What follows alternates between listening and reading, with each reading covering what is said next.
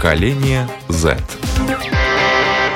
Здравствуйте, в эфире программа «Поколение Z». Меня зовут Марина Талапина, и мы в нашей программе говорим и показываем, и рассказываем, что думает молодежь, потому что это главные лица э, нашей программы, главные э, люди, которые предлагают темы.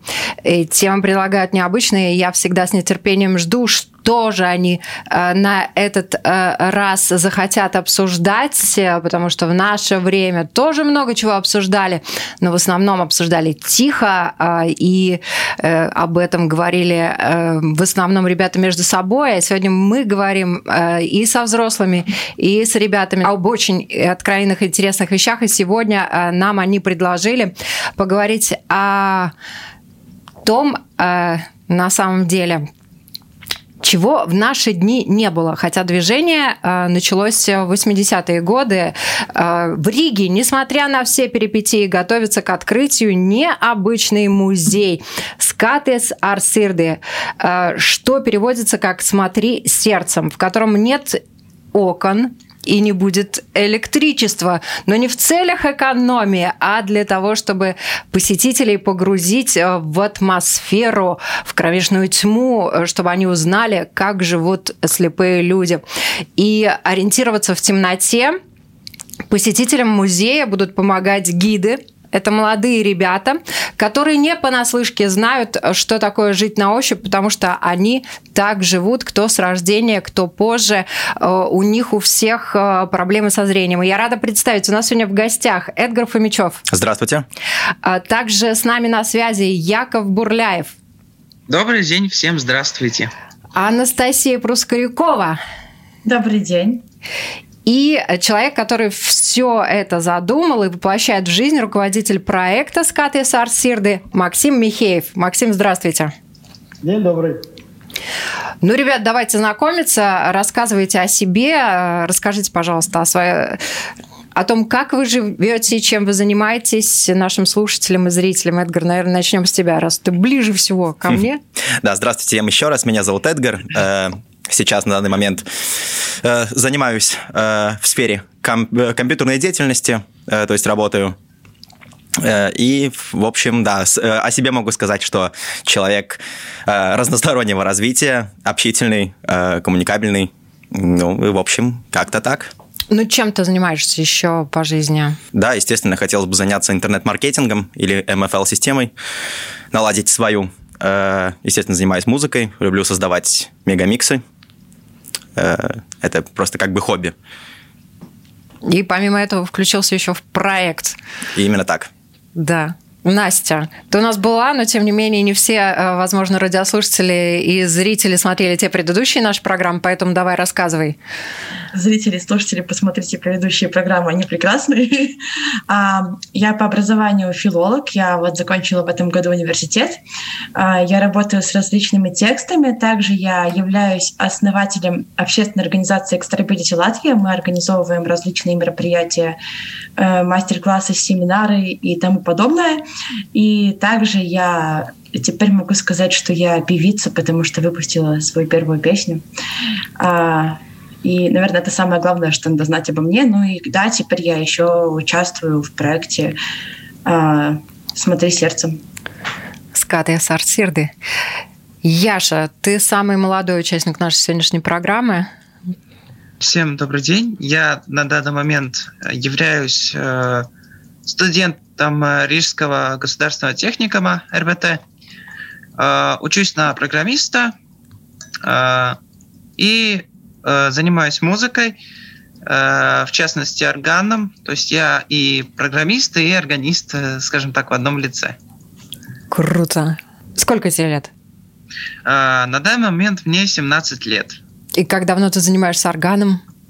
Э, это третий год, планировали четыре года, но поскольку я много знаю в этой в этом деле, до школы много знал, и в школе взял уже такие, ну, брал серьезные произведения, мне дали три года.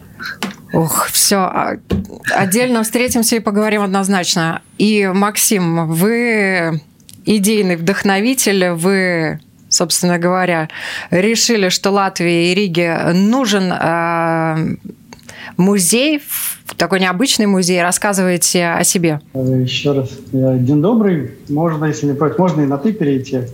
Довольно свободно. А, о себе я довольно активный человек. А, интересно, как-то мама сказала обо мне. Я, наверное, был везде, занимался всем, кроме, наверное, не был на Луне. Я люблю активный образ э, жизни, активные виды спорта. Я виндсерфингом занимаюсь, на серфинге тоже э, пробовал, учился кататься. Да, в, э, в хоккей любительский играл 7 лет, верховой ездой занимаюсь. Э, также увлекаюсь. Горы очень нравятся. В общем, все, что активно интересно, я сказал, там я участвую, мне это интересно. И в музее, да, мне эта идея э, очень запала в душу, э, да, сказал, в сердце напрямую. Э, я узнал об этой идее, когда я был э, за границей, э, как раз в Москве, и поддерживал нашу хоккейную сборную на чемпионате мира по хоккею. Мне очень нравится следить за соревнованиями сборных.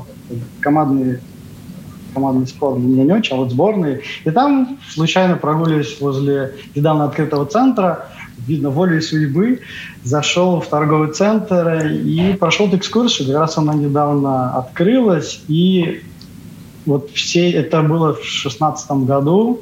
Последующие годы у меня это постоянно крутилось э, в голове, в сердце, во мне бурлило. И последние, сказал, вот два года, да, я стал заниматься этим более плотно. Конечно, существующие э, изменения в мире тоже на нас отложились, да, но самое главное, что мы идем вперед, мы движемся, и это главное, мы хотим развиваться. Но ну, в помещениях будущего музея «Смотри сердцем» сейчас вовсю идет ремонт, и мы туда приехали, и Максим нас поближе э, познакомил э, с самим музеем. Вот давайте посмотрим сюжет на эту тему. Вот у нас здесь у нас идет, идет полный входом ремонт. Да, уже, в принципе, в основном все готово. Сейчас будем уже обустраивать уже мебелью. Здесь планируется зона ну, приемная, ресепшн, да, где люди будут отдыхать, ждать экскурсию. Эта дверь уже у нас поведет как раз в темноту. Да, будет наша... Отсюда будет начинаться путешествие в темноте. Заходят э, посетители в это помещение, это так называемая ознакомительная комната, где люди первый раз э, встретятся со своим незрячим гидом. То есть знакомство будет именно происходить в темноте. Э, специальный э, элемент, да, чтобы снять э, как-то предубеждения, мифы, да, чтобы почувствовать человека. Не увидеть его, а именно почувствовать. Здесь они знакомятся, и дальше Экскурсия у нас и идет, э, продолжается. Здесь у нас будет жилая комната. Люди будут знакомиться с темнотой, э, э, где будет так, сниматься напряжение, такое в легкой форме. Самая такая простая комната. Дальше идем и попадаем.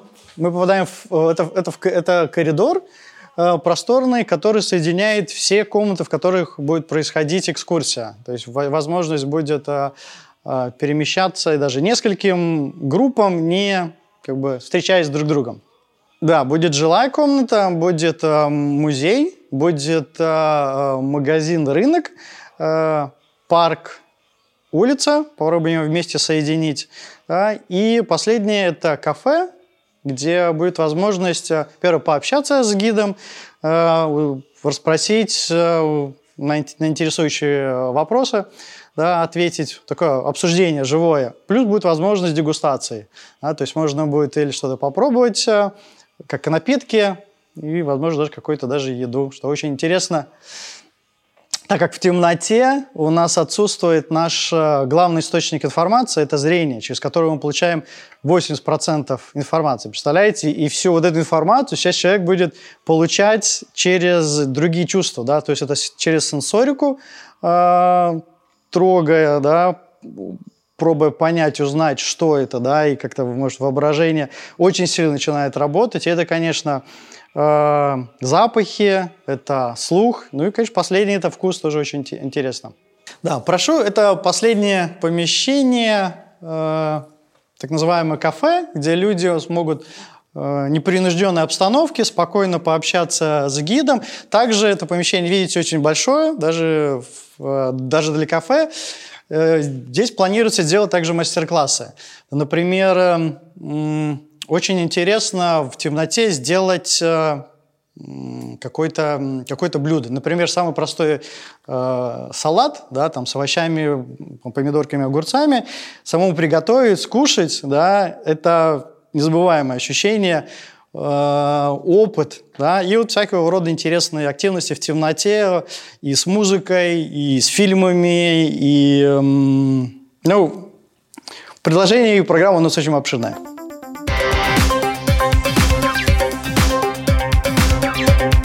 Поколение Z. Ребят, сейчас хочется послушать вас. Как вам предложили стать гидами в этом музее, да, и какие эмоции это у вас вызвало? Какие мысли? Эдгар? Э, ну, вообще получилось так, что как-то случайно встретился с Максимом, э, нас познакомил один человек э, в обществе слепых, если я не ошибаюсь. Э, и затем он провел просто интересный как бы я бы сказал, вебинар, может, семинар, где рассказал об этом проекте, о своей, о своей идее, о своем желании. Ну и хотел видеть меня в рядах участников и работающих, работающего персонала как, как гида. И ты сразу отозвался, да? Э, сначала э, э, так, с большим, не с небо, ну, я бы сказал, с небольшим, э, с небольшой неуверенностью, потому что у меня тогда была на тот момент постоянная работа, я думал, как я это объединю и так далее. Но затем я подумал, мне понравилась идея и, так далее. И поэтому я сам написал Максиму, что желал бы с ним э, работать. Ну и теперь я здесь. Настя? Я увидела вакансию, а, я о таких проектах знала и была уже в таком проекте, поэтому э, увидела вакансию, отправила CV, все. У меня короткая история. А ну, я, ж, я так понимаю, вообще кастинг целый был, Максим, да? Много, много желающих э, быть гидами? Желающих, да, учитывая, что у нас все-таки страна небольшая, город тоже небольшой. Да, мы разместили вакансию на, в Латвийском обществе э, слепых на их сайте, мы с ним очень плотно работаем. И пришло, да, пришло, мне кажется, уже более 10 человек. Угу. Это было на более года назад где ребята первый раз познакомились, увиделись и рассказал, что планируется. Очень был приятно удивлен, что ребята так откликнулись или пришли. Яш, как ты решился? А, знаете, я чисто, чисто случайно набрел на этот проект. Я с Максимом познакомился на проекте. А, там... Бизнес-акселератор. Да, New Doors. Там выступали разные организации, и один из проектов, по-моему, Максим тогда занимал, ну, его презентация показывался 30-м участником, он был тогда. А, и меня это озарило. Почему? Потому что, с одной стороны, я понимаю, что это как бы новый проект и первая моя работа в жизни. И с другой стороны, я понимаю, что я тогда делая экскурсии с людьми, я получу больше общения и удовольствия от общения с окружающими меня людьми, и э, будет другая точка зрения у окружающих совершенно на мир. На мир. Они его будут воспринимать э, совершенно с другого ракурса. Но это действительно так, потому что в Латвии проживает более 12 тысяч человек, э, которые частично или полностью потеряли зрение. И, конечно, большая часть людей вообще не особо себе представляет, как это жить, э, например, с повязкой даже на глазах, да, ну, кто-то может одеть повязку на глаза, я думаю, что он там 50 минут не выдержит, и все равно будет подглядывать, да. Максим, у меня к вам вопрос. Мне кажется, вот э, такого рода проекты э, человек за них берется, когда у него какая-то личная история тоже, наверное, есть. И если вот такая есть, если вы можете рассказать, то мы будем вам благодарны. Да, конечно, я вообще очень открытый человек, так что к вашему, к вашим вопросам готов. Я, да, расскажу. Я сам инвалид третьей степени. С детства у меня, э, даже с рождения, э, рабочий только правый глаз. Да? То есть левый глаз, он, ну, там довольно очень маленький процент, и как бы получение информации э, и именно в таковом зрении он не, не участвует, да, то есть у меня всегда э, было такое, как бы я бы сказал, ну, одномерное зрение, если сравнить с, с, с, как бы, с двумя рабочими глазами, да, то есть, но э, и я, может быть, я бы сказал, отчасти мне именно понравился запал в душу этот проект э, по этой причине, что, конечно, это как бы ну, ни в коей мере не эм, может сравниться да, с э, людьми, у, которого, у которых сильнее потеря, да, или вообще не зрячие. Да, ну, как-то все-таки отчасти я себя чувствую как бы причастным. Ну, как минимум, мне эта тема близка. Да, и почему я начал заниматься этим проектом? Вы правильно, Марина, упомянули, что э, в обществе люди не знают, э, мне кажется, о, вот как таковой эта тема незрячих людей, она как довольно как-то серая, в черном ящике где-то держится, и никто не особо или боится говорить и не хочет говорить. И когда я впервые попал на такую выставку, вот для меня по окончании этой выставки мир просто перевернулся. Для меня, вот от, откровенно могу сказать, да, что я не знал, честно говоря, как люди э, без зрения могут жить да, то есть, ну, учитывая, что информацию ты ограничен в получении, да, и, то есть, довольно, на мой взгляд, это, я, честно говоря, не понимал, я думал, ну, довольно очень тяжело, да, то есть, а как, как может вообще речь идти о активном образе жизни? И тут, проходя через этот, вот, экскурсию, нам гид очень много рассказывал, и потом мы много еще общались, я был в шоке. Я был в шоке, во-первых, узнав, что люди, э, очень многие из них живут на моле, намного более активной жизнью, да, чем многие зрячие люди, да, то есть и занимаются там альпинизмом, яхтовым, яхтовым спортом, да, э, художники, писатели, вот незрячий пилот есть, могут кататься на велосипеде э, самостоятельно, причем, да, то есть, ну, я, я был в шоке вот просто в шоке. И первое для себя, что я отметил, когда я вышел с этой выставки, это, наверное, вот, первое, конечно, то озарение, да, вот этой темы, но для меня открылось как вот ящик Пандоры. Такой, вау, ничего себе. А, и второе, главное, я почувствовал, знаете, вот вдохновление. Да, это, может быть, странно прозвучит, но вдохновление от того, что люди, э, несмотря на э, ограничения по зрению, многие из них продолжают дальше жить, развиваться, учиться, да, получать образование. Многие из них талантливые люди становятся, да, и певцами, и там, композиторами. Ну, перечислять можно Я вас поддержу, да, в этом отношении у нас э, и Миша замечательный, и есть Олехов, э, который тоже часто принимает участие в нашей программе. Я надеюсь, если он нас слышит, то ему огромный привет. И э, вот я предлагаю сейчас передать слово ребятам, пускай они сами расскажут и докажут, mm-hmm. что их жизнь настолько наполнена, что я думаю, зрячим еще многим придется позавидовать им, да. Наверное, Яш, начнем с тебя, потому что это первая твоя работа. Я думаю, что интереснее всего реакция была у твоих близких. Ну хорошо, мои близкие отреагировали очень позитивно. Почему? Потому что они очень рады, когда у меня появляются новые связи, новое общение, э, новые возможности, новые открытия. Э, мама, скажем так, э, очень позитивно на это отреагировала, и как только мы увидели Максима в этом проекте, после того, как эм, наша конференция закончилось, тогда мы сразу же пошли к нему. Почему? Потому что мы увидели в этом много возможностей. А были те, кто отговаривал, я не знаю, Эдгар, может, тебя или Настю? Зачем тебе это надо? Куда ты пойдешь? Нет, с моей стороны, со стороны моих близких и родных нет, такого не было. Ну, мне никогда никто не говорит, зачем мне это надо. Эм, это была бы, во-первых, слишком частая и неинтересная фраза. Э, мне это перестали говорить уже очень давно, и поэтому э, и реакции никакой, в принципе, не последовало, потому что я из этого тоже не делаю какое-то событие. Ну, как бы, ну да, в этом нет ничего такого, на что бы стоило Ну как-то да, но реагировать. мы с тобой уже встречались по теме яхтинга. Ну вот как бы по- после тем, темы яхтинга разве я могу кого-то в своей семье удивить темнотой?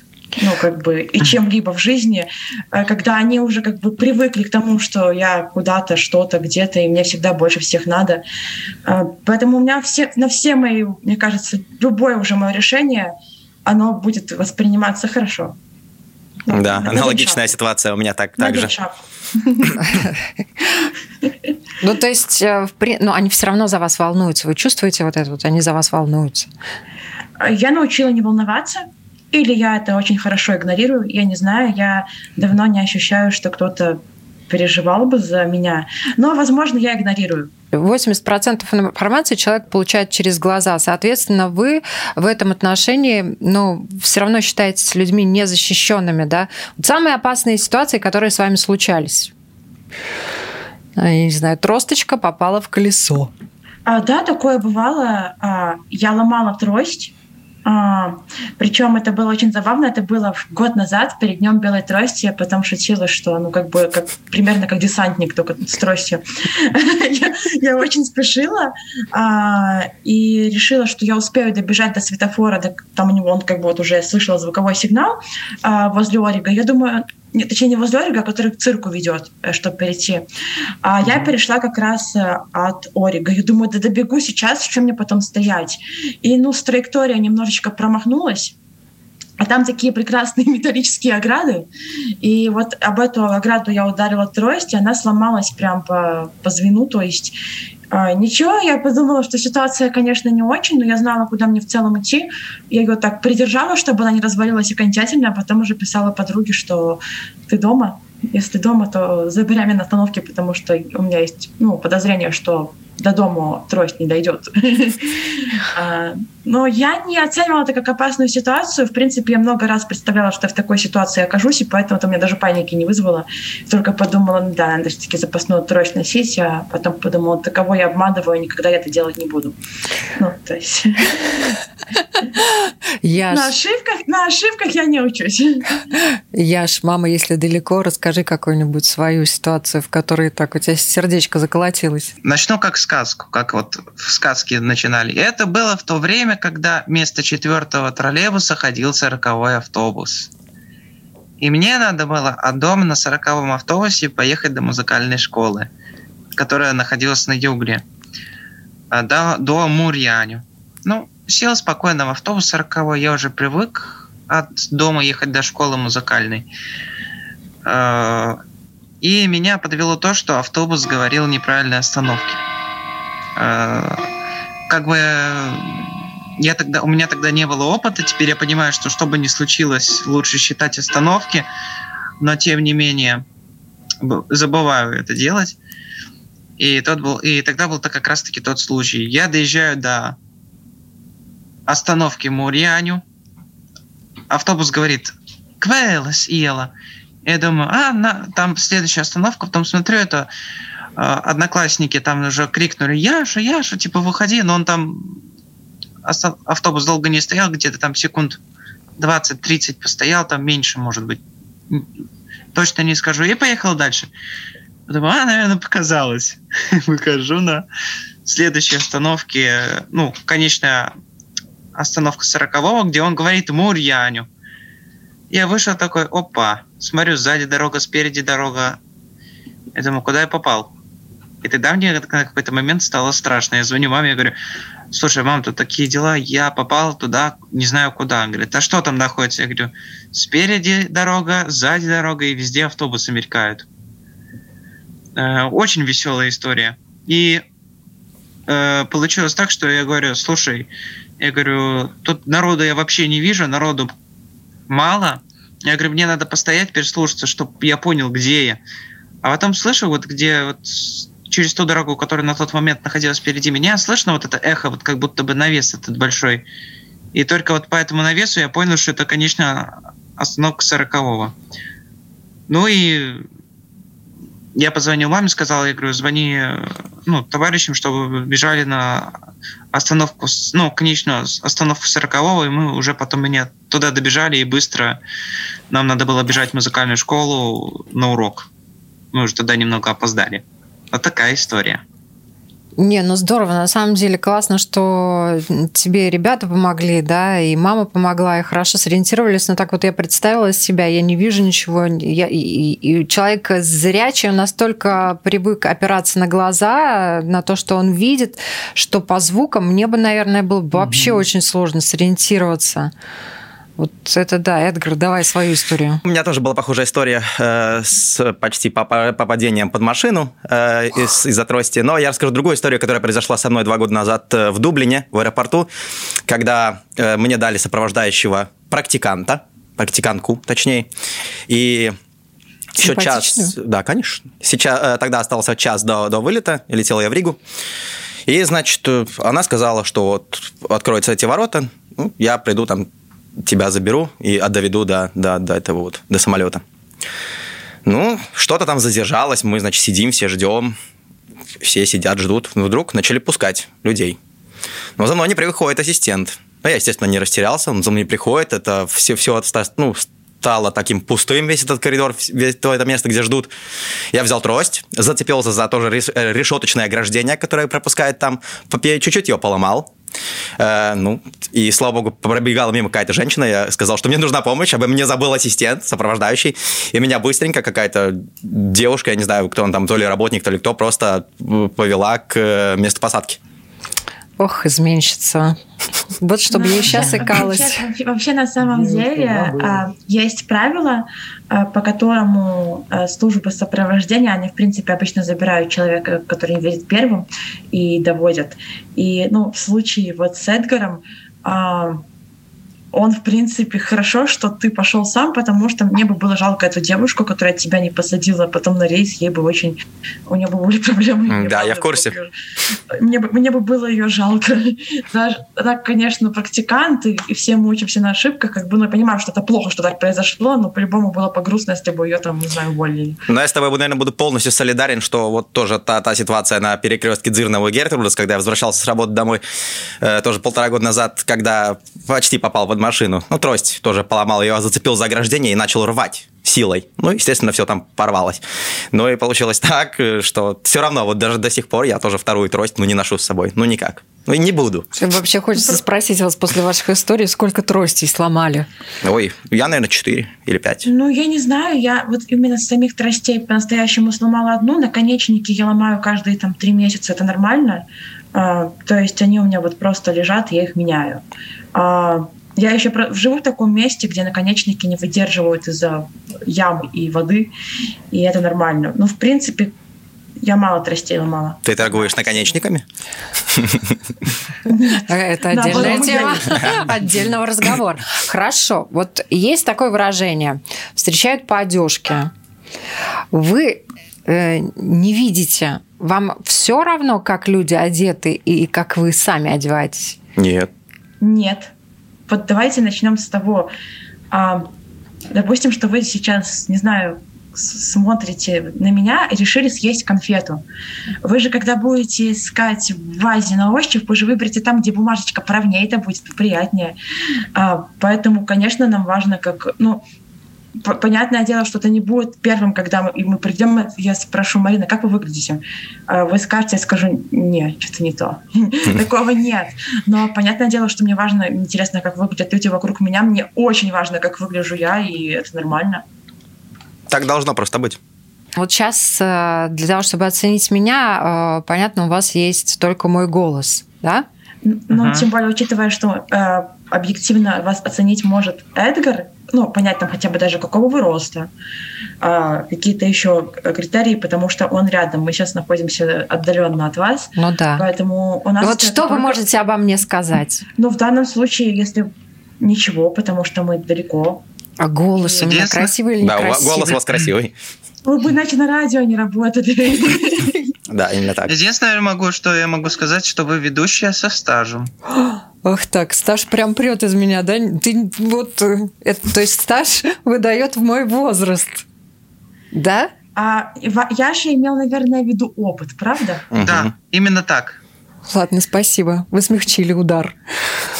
Я старалась. Хорошо, Эдгар, ты здесь в студии со мной. Расскажи, что ты про меня думаешь. Вот что ты понял из ус- услышанного. Жги. У вас прекрасное телосложение. Вот так, спасибо.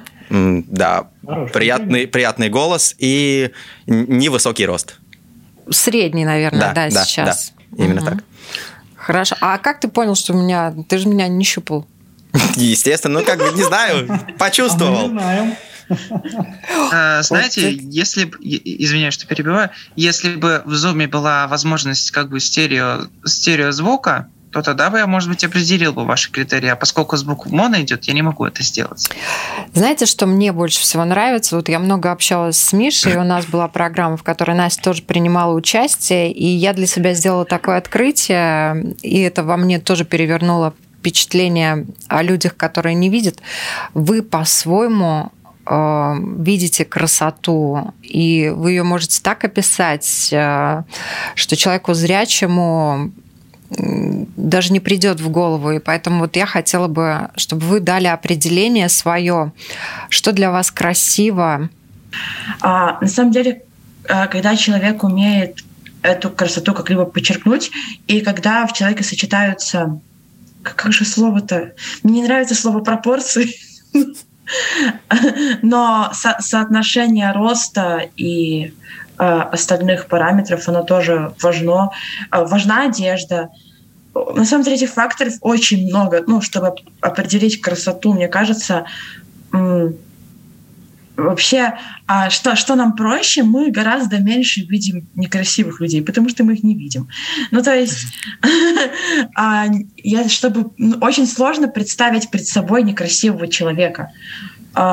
По-любому ты в голове пытаешься представить э, лучший вариант этого человека, который ты можешь только. Но мне кажется, вы очень хорошо чувствуете людей. Я права? Да. И фальш, да. и ложь, и интонации голоса. Вы на эти вещи гораздо больше внимания обращаете. И вас а, тут... я пос... а я поспорю с Эдгаром и Яшей нет. Да? Я... Э, вообще, я вообще очень эм, негативно отношусь к тому, что слепых наделяют какими-то суперчувствами. Психологи установили такую вещь, что человек, когда врет, его интонация голоса меняется. У вас а. Э, же вы через э, свои ушки там и так далее получаете гораздо больше информации. И, ну, это то, что вы обрабатываете и больше анализируете. Вас, ваш мозг на этом больше концентрируется. Поэтому, мне кажется, вы, э, наверное, лучше зрячих людей вот, ориентируетесь в этих оттенках, когда человек искренен, и когда человек врет. Мы, в а это принципе, как человек врет. Да, да. можно врать Можно, да. можно, можно врать, врать искренне, да? Можно врать. Если, главное, вообще, когда врешь, главное в это верить самому. Да, и все, а да. если ты сам веришь, то кто тебя выдаст? Что тебя выдаст? Ничто тебя не выдаст. А, нет, я, если вот отбросить шуточки, то я правда склонна считать, что и не считать, а я в этом очень уверена, всем это пытаюсь э, доказать, что нету ничего такого, а незрячий человек незрячему человеку как бы рознь, простите вот за такую тавтологию, один услышит, другой не услышит, третий будет считать, что его обманывает каждый встречный, а, и это ну, вообще никак не зависит от э, отсутствия либо наличия зрения, э, которому, к сожалению, до сих пор пытаются приписать намного больше, чем оно из себя представляет. То есть все думают, что это что-то мега особенное, да нет, э, мы такие же люди, также ошибаемся, также врем, не замечаем, что нам врут, замечаем, что нам врут. То есть ничего не отличается ровным счетом, кроме того, что я не знаю, какого цвета кофта на вас. О, кстати, какая? Темно-синяя, да.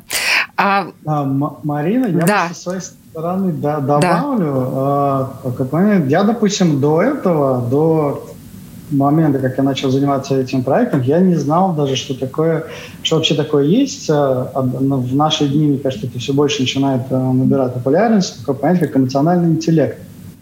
Да, он сейчас очень актуален.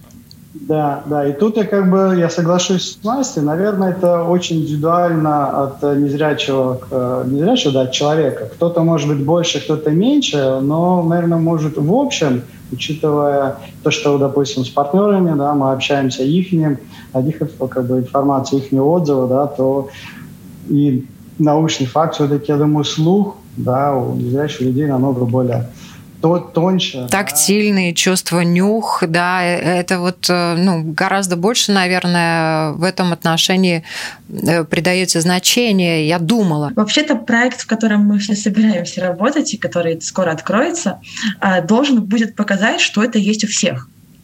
Ну, то есть просто зрение, оно, если говорить, что, допустим, что в комнате нас сейчас пять человек, и мы бы все начали говорить одновременно, то кто-то бы один говорил громче, кого-то бы мы слышали лучше, а кого-то бы мы слышали хуже. Э, в человеческом организме э, тот, кто говорит громче, это зрение. Вот и все. То есть это не значит, что они говорят остальные, просто мы на них внимания не обращаем, потому что нам э, более доступна информация, которую вы получаете визуально. Тут мы выключили визуально, оказалось, что остальные тоже нормально говорят, и, в принципе, можно понять, что они имеют в виду. Э, вот мне кажется, это об этом. Не, очень классное раз... сравнение. Mm-hmm. Спасибо тебе за это сравнение, потому что действительно аллегория такая очень понятная, очень доступная. И э, вообще, э, конечно, очень интересно о том, как вы живете, и об этом важно рассказывать, поэтому я думаю, что проект ваш имеет действительно большое будущее. Вот э, даже, например, я думаю, вам наверняка будут задавать разные вопросы. Вот что вам снится? Последнее время редко что-то снится, но раньше, да, снилось. Особенно часто снились сны, что я лечу в самолете. Очень часто, не знаю почему. Говорят, когда человек летает, он растет. Прекрасно, да. значит, я расту. Тебе Есть пора куда. перестать. Да, хорошо. Яш, давай. Бывает, что снится прогулка, э, прогулка в лесу, там, например, или в межапарке, как мы на самокате ездим. А, там, например, снится железная дорога, например. Ну, это, скажем так, мое хобби снится мне. Это образы визуальные? Это образы аудиальные, образы запахов и образы как бы тактиль, ну, тактильные образы. Настя, ты заинтриговала, давай раскрывай, пожалуйста, хотя бы я, один. Я, я, я вот думаю, какой же сон рассказать. На самом деле, мое подсознание — это такое хорошее пособие для психиатра. Вот, боюсь, что заберут после моих рассказов, но один Не отдадим мы тебя психиатру. Сами будем исследовать. А на самом деле, а, мое подсознание смешивает а, все, что я где-то когда-либо видела. Оно это как-то, знаете, как в шейкере берет, перемешивает, и из этого выходит примерно сон. А, у меня был очень забавный сон, Тут будет очень короткая предыстория. Это было еще, когда я училась в школе, но почему-то захотелось мне рассказать его, тем более Эдгар, как мой одноклассник, ему тоже будет интересно. Хотя он, наверное, знает об этом сне, я в школе тоже рассказывала. а, у нас в классе пятом была воспитательница а, в школе, которую мы очень раздражали. То есть это была школа-интернат, поэтому у нас был воспитатель ну, во второй половине дня. Вернее, даже мы ее не раздражали, мы себя плохо вели, а мы — это мальчики и Настя, э, чтобы было понятно.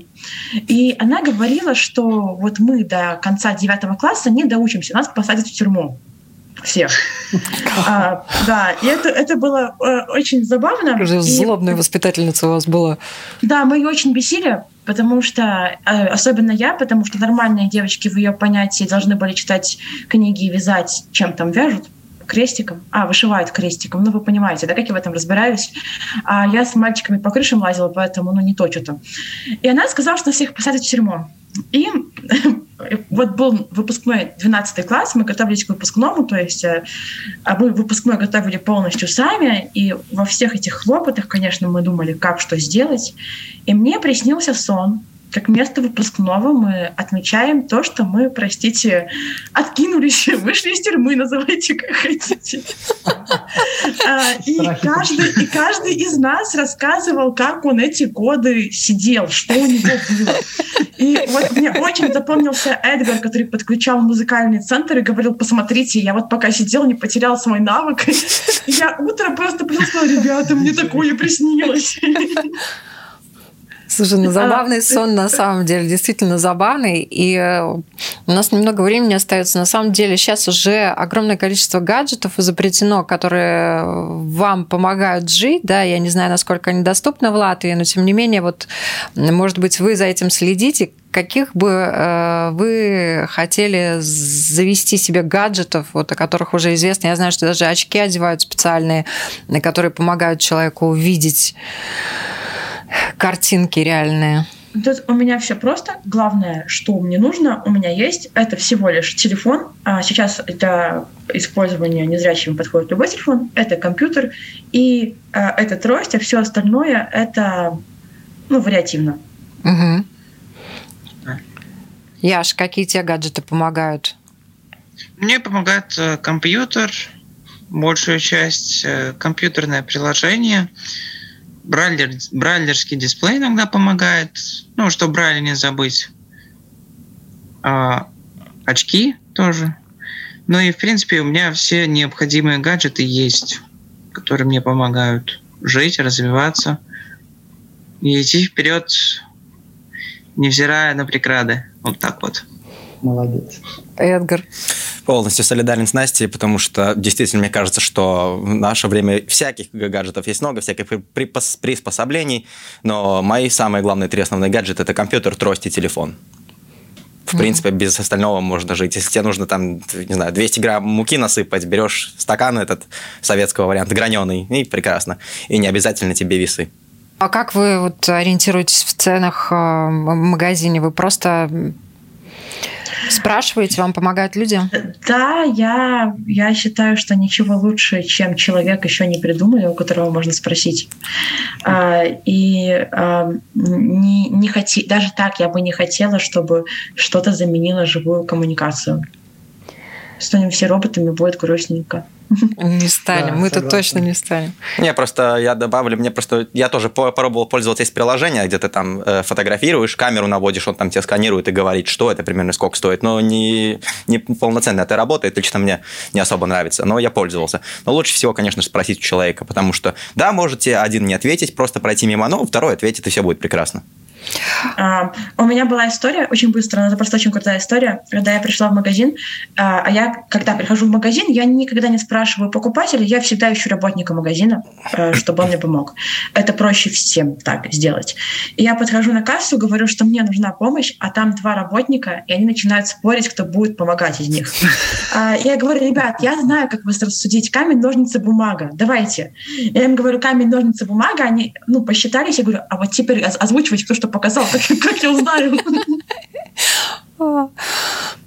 Я же у тебя были какие-нибудь такие прикольные истории с гаджетами? Увлечение, вот мое увлечение это одно из увлечений это железная дорога, конечно же. А, то есть был случай, что моему другу запретили снимать видео на Ютубе. Руководство ну, руководству ДПО что-то не понравилось. Я говорю, а давайте мы сделаем какой-то YouTube-канал. Ну, в комментариях мы с ним переписывались, типа, что, ну, чтобы какой-то аудиоканал сделать, что там не видео, а вот аудиальный будет обзоры там и так далее на технику. И он просто попросил мой скайп в компьютере, и вот так я познакомился с человеком, у которого даже побывал в депо на экскурсии. Ну, даст Бог, ученые, может быть, научатся помогать э, людям видеть, но тем не менее, глядя на вас, э, шапки долой, ребята, вы замечательные, вы живете полной жизнью, вы большие молодцы, и я рада, что в Латвии, в Риге появляется такой проект, который эта тема известна во, во всем мире уже, как я говорила, с 80-х годов. Есть различные музеи в Питере, и в Москве, и в Киеве. У вас есть уже побратимы, и в Сеуле есть музей, да, диалог э, в темноте. И есть во Франции ресторан, в Париже, если не ошибаюсь, там танцы да, да. в темноте. Есть много разных э, подобных проектов и мероприятий И они все направлены на то, чтобы нам лучше понимать друг друга. Спасибо всем большое. Напоминаю, у нас в программе э, участвовал Эдгар Фомичев, Яков Бурляев, Анастасия Проскурякова и также э, Максим Михеев. Вы слушайте нас в канале... Латвийском радио 4. Да, на Латвийском радио 4. Смотрите нас на Ютубе. Наши подкасты слушайте в приложениях Spotify, Apple. И также нас можно увидеть и услышать на таких платформах, как Facebook, Instagram. Ну и, конечно, на нашем сайте lr4.lv. Смотрите сердцем. Всем хорошего дня.